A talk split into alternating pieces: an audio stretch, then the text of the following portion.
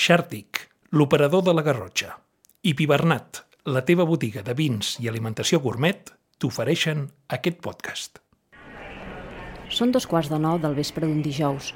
Un avió provinent de Tirana acaba d'aterrar a la terminal 2B de l'aeroport de Barcelona. Escup els passatgers a poc a poc. Frisem perquè siguin tots fora i puguem pujar-hi nosaltres. A la fi, arriba el moment. Travessem el Finger desert i, com si entréssim a casa seva, ens rep el pilot d'avió Marc Montoliu. No se'l veu gens cansat. Mentre li fem les fotos, entre seients buits i en una cabina de vol que ens sembla minúscula, fa cara de satisfet. El viatge per arribar a exercir l'ofici que l'apassiona de sempre ha estat llarg, però li ha valgut la pena. Voldríem conèixer els detalls d'aquest trajecte vital, però ens toca esperar uns dies més. Només hem estat 20 minuts dins l'aeronau, els justos per fer uns quants retrats, però ja ens manen la pressa perquè ens n'anem. Uns altres passatgers fan cua fora. L'avió es tornarà en l'aire aviat, després d'haver passat tots els controls, i serà altre cop a la capital d'Albània al cap de dues hores i mitja. Amb en Marc, doncs, busquem un forat per conversar-hi més endavant, quan té uns dies lliures i ho aprofita per volar, aquesta vegada com a passatger, cap a la terra on ha nascut i crescut, la Garrotxa. Benvinguts a bord, el viatge de Marc Montoliu fins a aconseguir el somni de ser pilot d'avió. Guió i locució, Laia Terricabres.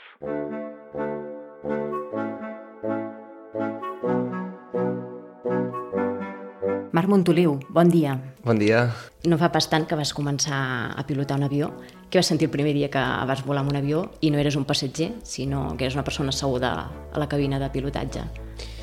Uh, clar, el primer dia va ser volant una avioneta uh, a l'aeroport de Sabadell quan vaig començar tot el meu, el meu curs de, de pilot d'avió i va ser com, com molta satisfacció no? el primer dia pensar que, que ja podia començar tot aquest procés de ja definitivament uh, poder arribar a ser pilot d'avió doncs va ser com això, molta satisfacció i clar, evidentment el primer vol va ser instructor, no va ser jo tot sol a la cabina però sí que va ser, va ser una passada.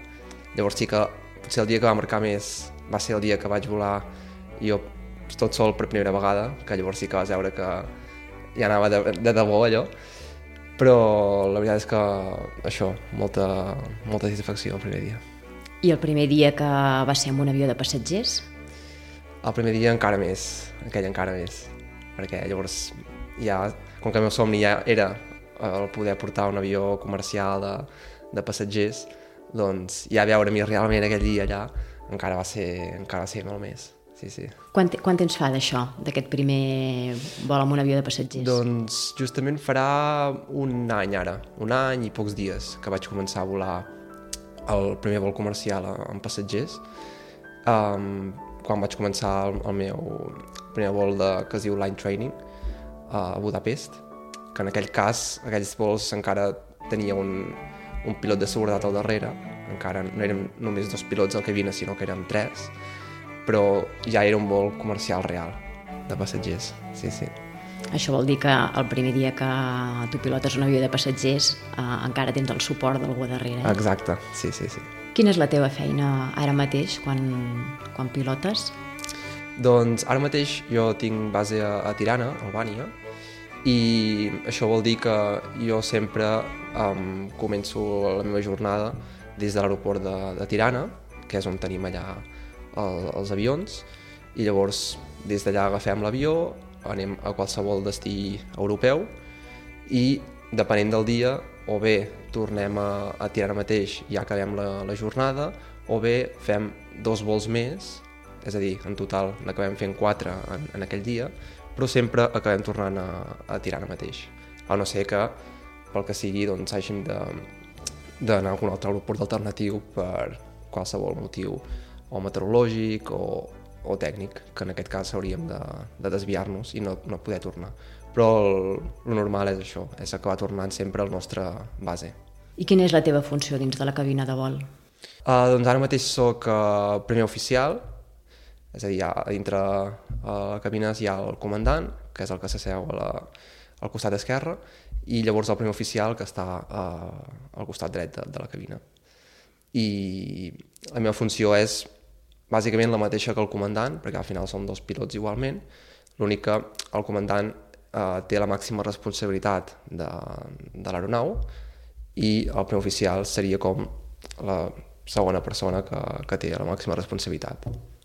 Això vol dir que si el comandant es trobés malament en algun moment, tu podries agafar el Exacte. seu lloc, eh? Estem completament entrenats perquè en cas que passi, que passi aquest cas, doncs jo mateix com a primer oficial pugui fer uh, pugui aterrar normalment l'avió i sense cap problema. Tots hem vist que a la cabina hi ha un munt de botons, comandaments, pantalles. Des de fora sembla molt complicat poder controlar tot això. És així de complicat? Sí, és veritat que la primera imatge de la cabina doncs, sembla uf, molt complexa, molts de, no? molts de panells, molts de, molts de botons i, i de tot, però al final el que vas estudiant l'avió i te'l coneixes, doncs t'adones que hi ha ben bé els, els justos i necessaris com per poder doncs, volar de manera segura aquell avió. No? Però sí que és veritat que la primera imatge és una mica de... Ostres. Sí, Això sí. vol dir que no els has de tocar tots, aquells comandaments. Hi ha els bàsics que sí que es toquen sempre, no? que de fet estan situats en un lloc estratègic perquè doncs, eh, els anem fent servir eh, molt més sovint, i hi ha uns altres que no es toquen tant, que de fet estan al nostre, al nostre darrere, que només es toquen en cas que hi hagi el, algun problema o que hàgim de fer algun reset d'alguna cosa, i que també es fan servir com per fer revisions que fan els, els mecànics. Fa un, molt poc ens has dit que havies pujat amb avioneta per primer cop a, a Sabadell. Sí, exacte. Com vas aprendre a, a pilotar? És a dir, quin, quins estudis has fet? Doncs jo ja, bé, des de ben petit, que jo tenia claríssim que volia ser pilot d'avió, i no pilot d'helicòpter, sinó pilot d'avió. I bé, el, el problema va ser que uh, jo quan vaig acabar els estudis de batxillerat, doncs continuava amb el mateix somni no? de poder ser pilot d'avió, el que passa que el que et vas informant de quins són els, els requisits per poder fer aquest, aquest curs, doncs el problema era el, el tema econòmic, que són molts diners fer aquest, fer aquest curs, no? I, clar, amb els pares doncs, van valorar que no era el moment adequat per poder fer aquell curs, perquè no, no podíem. El que passa que uh, hi havia un, hi ha un grau de, um, universitari que està relacionat amb el sector, que és el de gestió aeronàutica, i bé, doncs al final vaig acabar decidint de començar estudiant aquest, aquest grau, que almenys estava relacionat amb el sector, i a més a més a mi el tema aquest de, de gestió així d'empreses i això també, també m'agradava, i vam decidir doncs, fer, diguéssim, una volta una mica més llarga, no? començar primer a fer un grau universitari, intentar llavors mm, treballar d'això i poder anar estalviant diners perquè al final a la llarga doncs, pogués eh, ja sí començar el curs de, de pilot d'avió. I això és el que vaig fer. Vaig, eh, vaig estudiar aquest grau a, a Sabadell, a la Universitat Autònoma de Barcelona, i va anar tot molt bé, de, de fet em va agradar molt aquest grau, em va interessar molt, i vaig tenir sort que quan vaig acabar, ja amb les pràctiques mateix de, del grau, doncs vaig entrar en una companyia d'helicòpters a l'aeroport de Sabadell mateix. I mm, allà estava en el departament d'entrenament de tripulacions i estava molt content també, la veritat, perquè al final, vulguis o no, ja estàs ben bé dintre del món, coneixes molta gent del sector i tens molt de contacte amb pilots, amb tot el tema de normativa, de, de llicències no? i tot això, i això ja va donar una molt bona base com per entrar dintre del, del sector, diguéssim. No? i sobretot um, l'avantatge va ser que com que les oficines d'aquesta companyia estaven a l'aeroport de Sabadell mateix i a l'aeroport de Sabadell hi ha diverses escoles de vol això em va permetre que al cap d'un any, any i mig després d'haver treballat aquí i anat estalviant doncs pogués ja definitivament començar els meus estudis de, de pilot d'avió a l'aeroport de Sabadell mateix i, en un entorn que ja coneixies, per tant. Exacte i l'avantatge de que fos a l'aeroport de Sabadell és que em va permetre començar els estudis teòrics de pilot allà mateix i al mateix moment també uh, continuar treballant. Clar. Va ser una època bastant dura, la veritat, perquè va ser, va ser un any que havia d'anar compaginant les 8 hores de, de feina amb les 4 hores de classe a la tarda de, de pilot i més els caps de setmana que havia d'anar estudiant i preparant-me per tots els exàmens oficials que vaig haver d'anar fent durant tot el curs. I va ser una època bastant sacrificada per part meva, això sí. Però clar, jo tenia molt clar que si no ho feia d'aquesta manera, això encara faria que s'allargués molt més el meu curs de pilot d'avió. I com que jo tenia tan clar que, que volia treure molt més allà possible, doncs vaig dir, mira, sacrificaré aquest any i, i que sigui el que sigui. No? Però la veritat és que va anar molt bé. Va anar molt bé perquè vaig anar fent tots els exàmens eh, durant l'any, els, els oficials, perquè t'has d'anar presentant eh, en els exàmens... Una cosa són els, els exàmens d'escola, que s'han de fer primer, que són com els exàmens interns, que una vegada els passes, llavors et pots presentar en els exàmens oficials, no? I, i en comptes de deixar els oficials pel final de tot, vaig preferir, doncs, a mesura que anava acabant les assignatures d'escola, i anar-me presentant els oficials. I va anar molt bé, la veritat és que ho vaig anar traient tot i en un any ja vaig aconseguir treure'm totes les assignatures ja teòriques. Tenies clar des de petit que, que volies ser pilot d'avió. Hi ha alguna cosa que, que fes que aquesta vocació hi fos d'entrada? Uh, per exemple, hi havia algú a casa mm. teva que ho havia viscut o havies volat molt amb avió? Què és el que feia? Que la veritat és que no, en el meu entorn no tenia ni familiars ni, ni, ni coneguts, diguéssim, de primera mà que, que estiguessin en el sector. Va ser, jo crec, de, el fet que de ben petit, amb 5 anys, ja anés de viatge amb els pares i el fet de veure tot, tot el que és l'aeroport, tots els avions, veure-ho tot tan real i tan gran, doncs crec que va ser aquí on em va, em va fer sorgir tota aquesta, aquestes ganes no? de, de poder jo ser el, el pilot d'aquelles aeronaus. Crec que va ser més això que no per influències d'altres persones. Finalment ho, ho has aconseguit. Exacte. Uh, durant la pandèmia va ser força complicat uh, el món de l'aviació comercial, no? va quedar molt aturat. Tu hi vas entrar una mica més, més tard. Uh, va ser fàcil trobar feina? Bé, de fet, a mi la pandèmia sí que em va afectar una mica ja en el, en el procés de, del curs de pilot d'avió, perquè quan, mentre estava fent, després de les teòriques, mentre estava ja amb la part eh, de la fase de vol, de les, totes les pràctiques de vol que havia de fer, va ser quan va sorgir la pandèmia i llavors vam haver d'estar uns quants mesos sense poder volar. O sigui que em va fer, diguéssim, retrasar una mica el que és el, el curs de pilot, no? I, i això llavors vam poder de manera progressiva tornar a continuar volant, però llavors havia de ser amb mascareta i amb moltes més mesures, no? Però sobretot el que més crec que em va afectar va ser que una vegada ja vaig acabar definitivament el, el curs, que clar, les ofertes de pilot no, no, no abundaven en aquell moment, perquè el sector es va veure molt afectat i era molt complicat trobar feina de, de pilot, sobretot els que acabàvem de sortir de l'escola, que no teníem pràcticament experiència i menys uh, comercial, no? només teníem l'experiència de, de l'escola de vol i va ser molt complicat, hi havia molt, molt poques aerolínies que estaven buscant pilots uh, acabats de sortir de l'escola. I aquí va ser l'etapa més, més complicada. I com vas aconseguir feina, doncs? A base de paciència, de, sobretot durant aquest període que no hi havia ni oferta, doncs continuar preparant-te, repassant, estudiant, perquè a la mínia que pogués sortir la primera oferta doncs, estigués al 100%. I, I així va ser. Vaig tenir sort que al cap de pràcticament un any, després de jo haver aconseguit ja la llicència de pilot comercial, um, vaig tenir l'oportunitat de poder anar a fer l'entrevista amb Wizz que és la companyia que estic uh, treballant ara mateix. Va ser la meva primera entrevista que vaig poder fer i per sort és això, com que em vaig anar preparant bastant durant aquest temps i quan vaig saber uh, que tenia la data de l'entrevista vaig tenir encara un mes, un mes i mig per preparar-me encara més, doncs això em va anar molt bé com per poder afrontar aquesta primera entrevista. Amb moltes garanties perquè et van agafar, Exacte, no? sí, sí. Això vol dir que ara no vius a la Garrotxa normalment i que tens uns horaris bastant moguts, podríem dir. Exacte. Uh, ens pots explicar el teu dia a dia, on vius i quins horaris tens?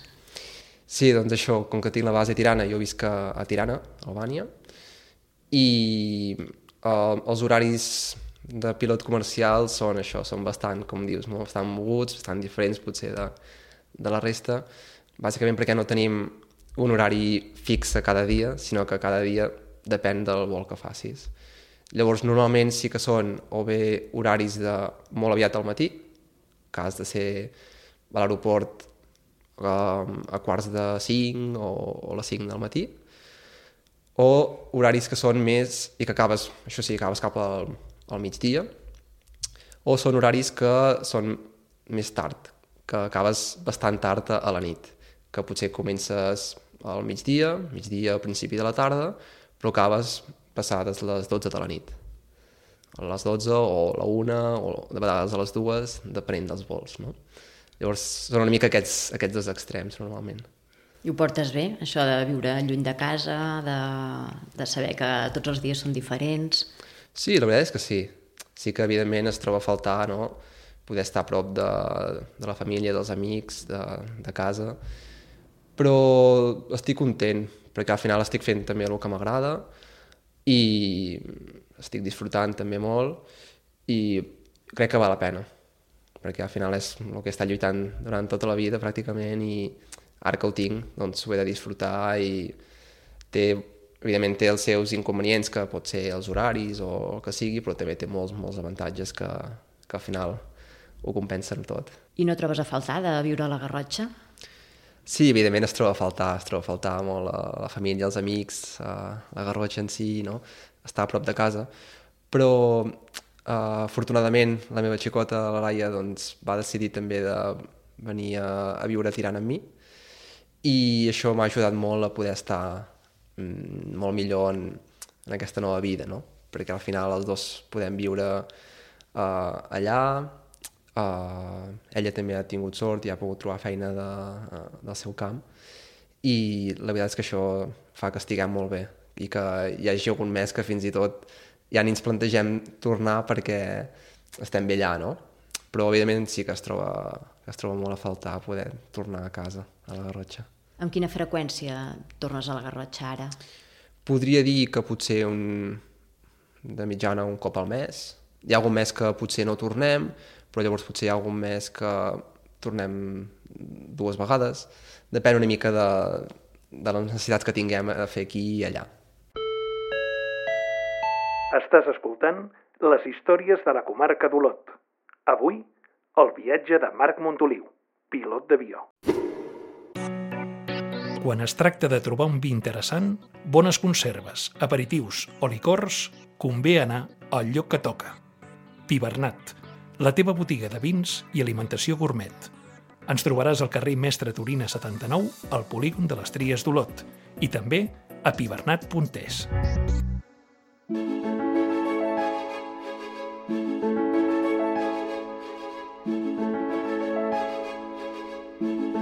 Fa una estona parlàvem que havies estudiat per ser pilot, perquè necessites tenir tots uns coneixements tècnics, però entenc que ser pilot també vol dir tenir un caràcter prou serè per afrontar situacions que potser a terra serien més fàcils d'abordar, però en ple vol doncs, has de tenir no? una sang freda, una serenitat eh, més important encara. Això us ho ensenyen també quan eh, estudieu per ser pilots? Sí, exacte, això és un dels punts més importants, potser, que primer de tot el més important és que estiguis serè, no? que mantinguis la calma, enfront a qualsevol situació, perquè si ja, de bon principi ja comences afrontant-ho malament, doncs podria ser pitjor, no?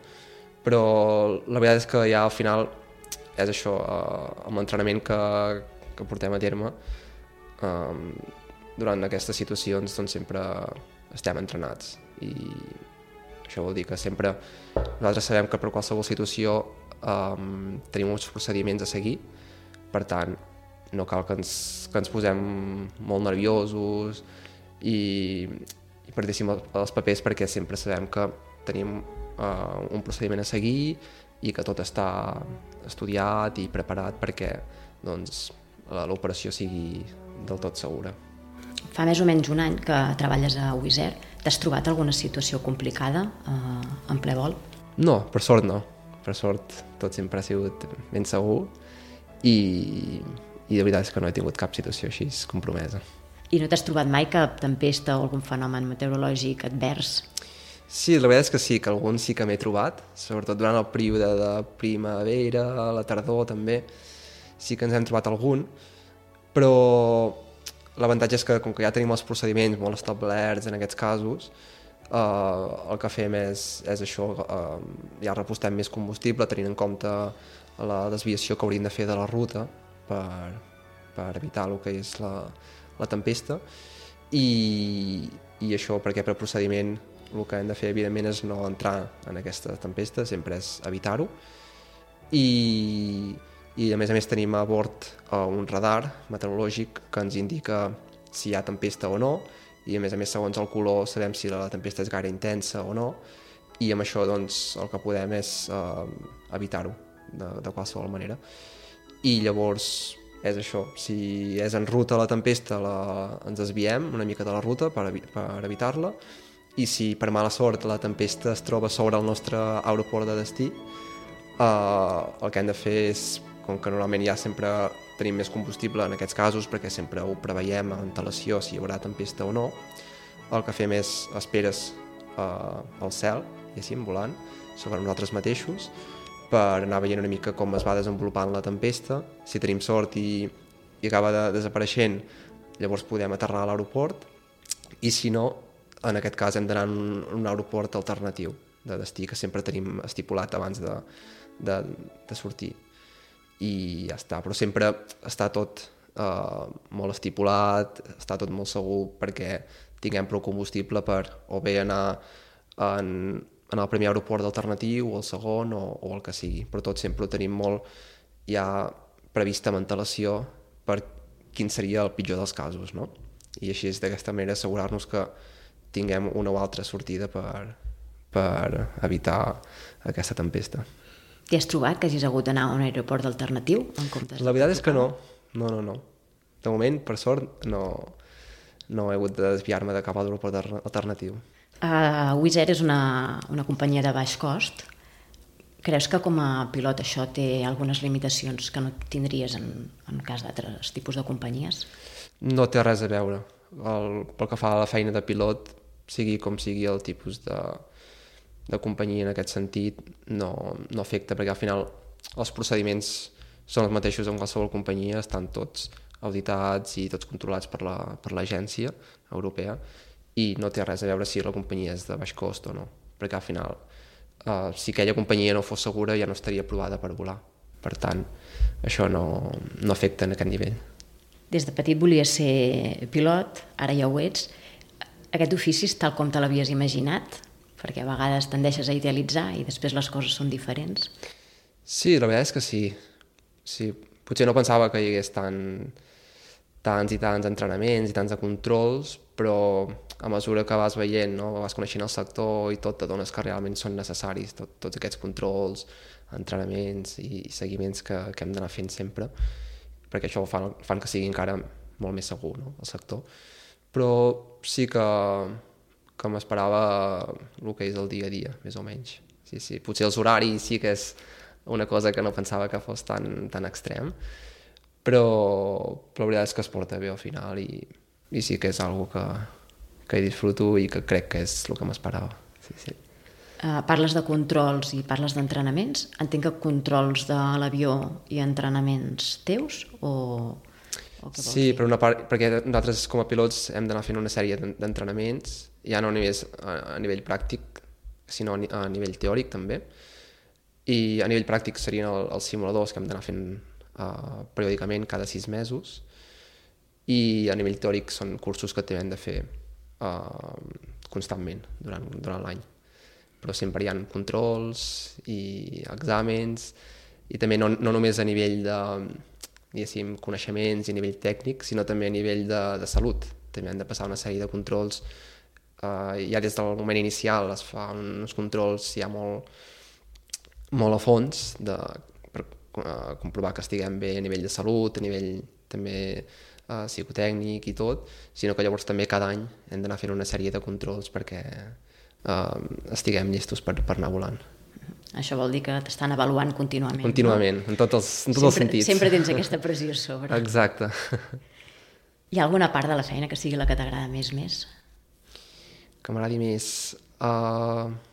Home, les, les vistes, per exemple, és una cosa que, que no em puc queixar. Des d'allà tenim molt bones vistes i també el fet aquest de que cada dia sigui un escenari diferent, perquè normalment cada dia sempre vas a un destí nou i diferent, doncs també és, és divertit, perquè no fa que la feina sigui monòtona, sinó que cada dia el, el temps és diferent, el company amb qui voles, és a dir, en el meu cas el comandant també és diferent, coneixes a molta gent nova, també la, la tripulació de cabina també són diferents per cada vol, llavors això, no? que cada dia sigui un escenari nou i diferent fa que, que pensis, ja m'avui, quan et despertes al matí, ja m'avui que hem, que hem de parar el dia, i és algo divertit, la veritat. Sí, sí. Sempre portes el mateix avió, ara que parles que, que tot el teu entorn canvia? L'avió sempre és el mateix? A Wizz Air tenim de tipus d'avió l'Airbus A320 i l'Airbus A321, que l'únic que canvia entre un i l'altre és la, la llargada, diguéssim, del, del fuselatge, no? Però l'avió és, diguéssim, el mateix, és el mateix tipus d'habilitació de, de tipus. Per quants passatgers és, més o menys?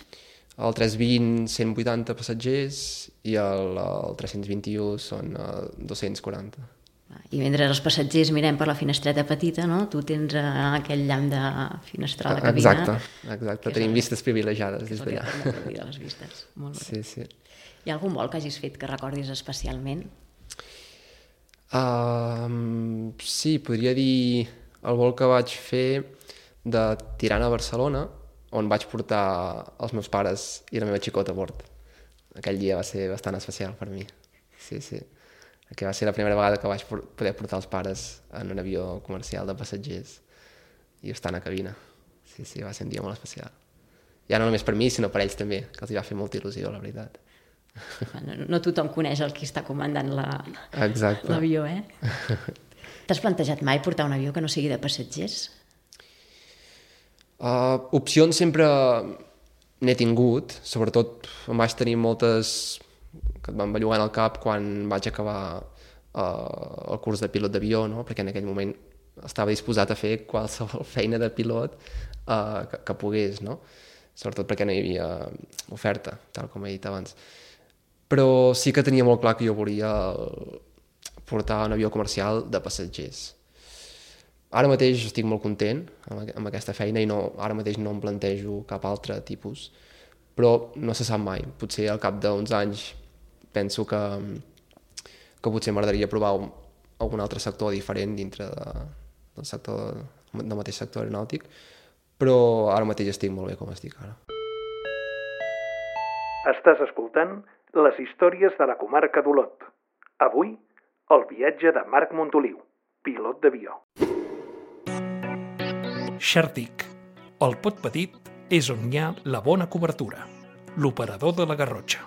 Fibra, fix i mòbil per només 38 euros.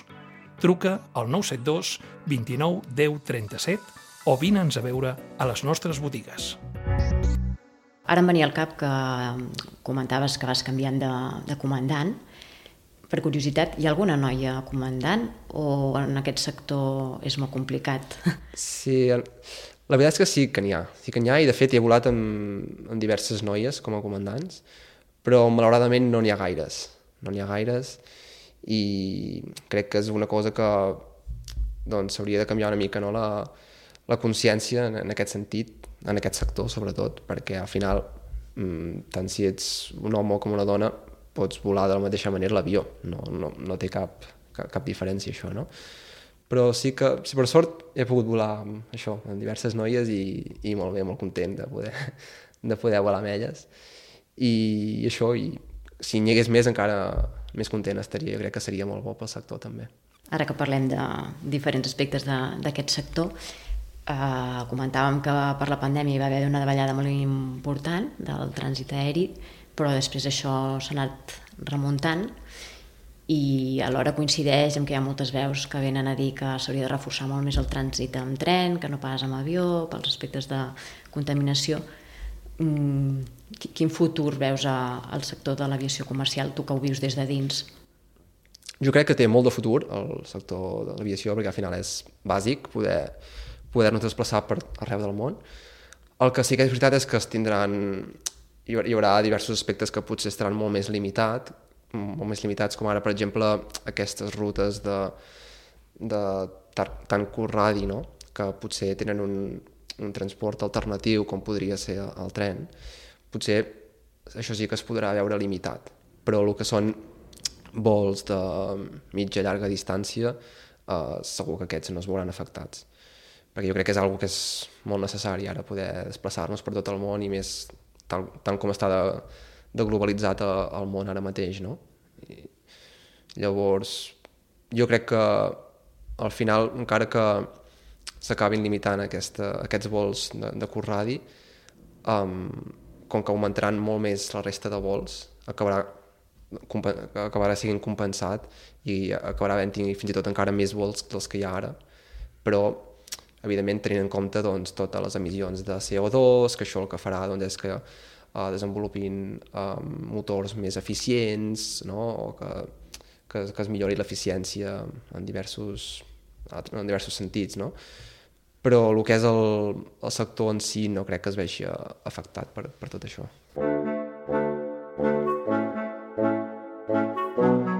Bé, ara ja per, per anar acabant, tu com et veus a, en el futur? Uh, en la mateixa posició que estàs ara dins de la cabina de vol o o quines expectatives tens? En el futur, bé, m'agradaria, doncs, evidentment, ara continuar agafant experiència com a primer oficial i llavors al cap d'alguns anys poder tenir l'oportunitat de passar a comandant. Això seria potser el, el futur immediat no? que, que veig ara mateix, poder passar ja a comandant. I llavors sí que alguna cosa que no descarto és poder, doncs, al cap d'uns doncs, quants anys de tenir experiència com a comandant, poder també estar una mica involucrat en el, diguéssim, amb la, amb la instrucció. És a dir, en poder, doncs, poder ser instructor eh, en algun moment i llavors poder ajudar en el departament d'entrenament de, de la companyia, en poder, doncs, fer classes de, això, fer, fer simuladors no? per tots els entrenaments recurrents que fem, o fer fins i tot classes teòriques que calen per fer els cursos de, de la companyia. Estar una mica involucrat en, a, en aquest sector m'agradaria, però evidentment sense deixar de, de volar, no? perquè és una que, que hi disfruto i que, i que m'agrada. Però sí que estava una mica involucrat en aquest sector, m'agradaria. De fet, perquè suposo que també em ve aquesta idea, perquè com que he estat també en el departament d'entrenament de la companyia d'helicòpters, encara que fos a nivell d'oficina, i vaig veure que m'agradava no? tot aquest ambient i de poder estar una mica involucrat i ajudant a la companyia. Doncs ara suposo que ho veig de l'altra perspectiva, de jo ja siguem pilot i també m'agradaria. Llavors, és una cosa que no descartaria en el meu futur. Eh, ens has dit que teníeu la base a Tirana ara mateix, no? no? Sí. I eh, fas vols de mitjana distància, suposo, pel, sí, continent europeu? per tota Europa, bàsicament. Però la veritat és que des de, des de Tirana tenim molts vols a Itàlia, i llavors, clar, els vols de Tirana a eh, tot el que és Itàlia són més aviat curts. I d'aquesta manera el que fa és que la majoria de dies fem quatre vols al dia en comptes de dos, perquè fem molts vols a, a Itàlia. Però hi ha molts dies que anem a qualsevol país europeu també i llavors normalment són de, de dos vols al dia. T'ho preguntava perquè quan parlàvem de les teves expectatives de futur, no sé si també hi entra fer vols més llargs o no és una cosa que t'atregui. Sí, la veritat és que tampoc ho descartaria, això. És algo que, que m'agradaria també, poder anar a qualsevol altre continent volant també m'agradaria molt, la veritat. Però ara mateix estic bé com estic. Uh, també el fet de fer més vols cada dia t'ajuda encara a tenir més experiència no? i anar millorant més i més uh, com a pilot, perquè fa que estiguis gairebé tota l'estona um, doncs, ocupat, no? preparant el, la sortida, l'arribada i tot. Llavors ara mateix estic content tal com estic. Però tampoc descarto, evidentment, en un futur poder fer vols més, uh, més llargs. Doncs moltes gràcies per tot el que ens has explicat i a veure si tenim la sort un dia que ens portis tu amb l'avió. I tant, serà un plaer. Moltes gràcies. Fins una altra. Fins una altra.